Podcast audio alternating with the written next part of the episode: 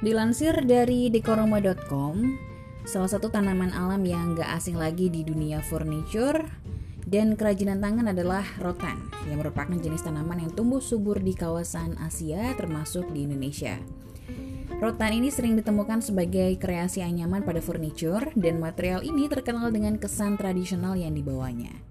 Dengan kelenturan dan warna yang indah, rotan ini jadi material favorit buat pembuatan berbagai hasil karya yang luar biasa cantiknya.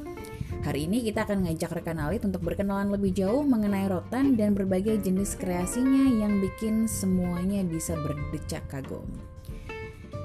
Nah, kehebatan rotan ini ternyata bukan hanya terletak dari sifat-sifatnya yang lentur, kuat, tapi bisa dibentuk. Ternyata rotan ini juga tergolong sebagai bahan dasar yang murah ya, dengan estetika ala tropis yang menggoda. Produk dari material ini pun bisa dengan mudah beradaptasi ya, pastinya dengan lingkungan sekitar, sehingga bisa menjadikannya mudah diaplikasikan baik di bagian outdoor ataupun indoor rumah. Nah, penggunaan rotan ini nggak lepas dari budidaya yang melibatkan proses penanaman dan panen. Dengan permintaan untuk material ini yang semakin tinggi, maka tindakan kriminal seperti illegal logging terhadap kayu di hutan ini akan bisa diminimalisir. Sedangkan kalau bicara mengenai pembuatan furniturnya, rotan dan dunia furniture ini memang udah susah untuk dipisahkan ya. Bahkan bukan berlebihan kalau kita bilang kalau kegunaan utama dari material ini nih bisa dibilang untuk uh, pembuatan berbagai jenis furniture atau peralatan rumah tangga diprioritaskan memang untuk itu. Nah, industri furniture untuk material ini tercatat sangat meluas dan dalam berbagai skala, baik produksi pabrik maupun private dari pengrajin lokal. Beberapa produk furniture berbahan rotan antara lain sofa, kursi, meja, alas meja, tempat tidur, dan tikar. Gak hanya memenuhi kebutuhan rumah tangga, mereka juga mempunyai gaya artistik tersendiri yang khas. Nah, untuk perumahan atau perkantoran yang mengusung tema tradisional, otomatis bahan rotan ini lebih cocok digunakan dibandingkan dengan bahan olahan lainnya. Misalnya gelas, atau besi yang kaku gitu kan. Selain perabot, rotan juga bisa jadi sumber penghidupan utama bagi banyak orang yang bergelut di dunia kesenian dan kerajinan tangan.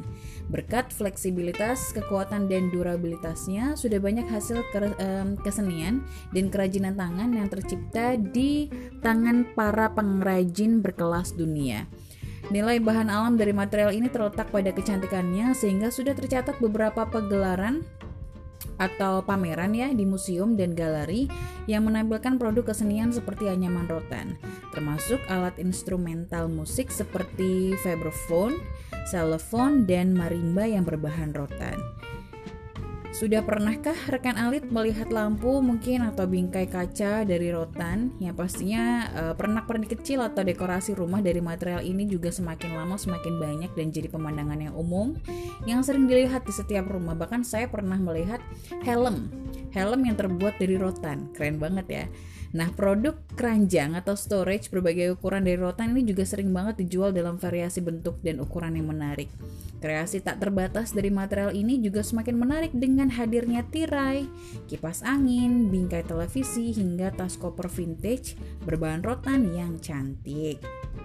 Pemakaian rotan sebagai material dasar bangunan juga umumnya lebih sering digunakan oleh penduduk lokal pada bagian desa atau pedalaman. Material yang terjangkau dan kukuh mampu menopang dan melindungi kediaman yang nyaman. Gak heran kalau beberapa organisasi sosial juga menggunakan rotan sebagai bahan bangunan, baik untuk keadaan darurat maupun permanen. Sementara untuk konsep rumah modern, rotan ini ternyata juga bisa dipakai loh. Tentunya sebagai bahan pelengkap dengan nuansa dekoratif yang berbeda, baik dikombinasi, dikombinasikan dengan material lain ataupun berdiri sendiri. Nah, dengan kecintaan terhadap produksi rotan, otomatis pasar ekspor Indonesia akan terdongkrak.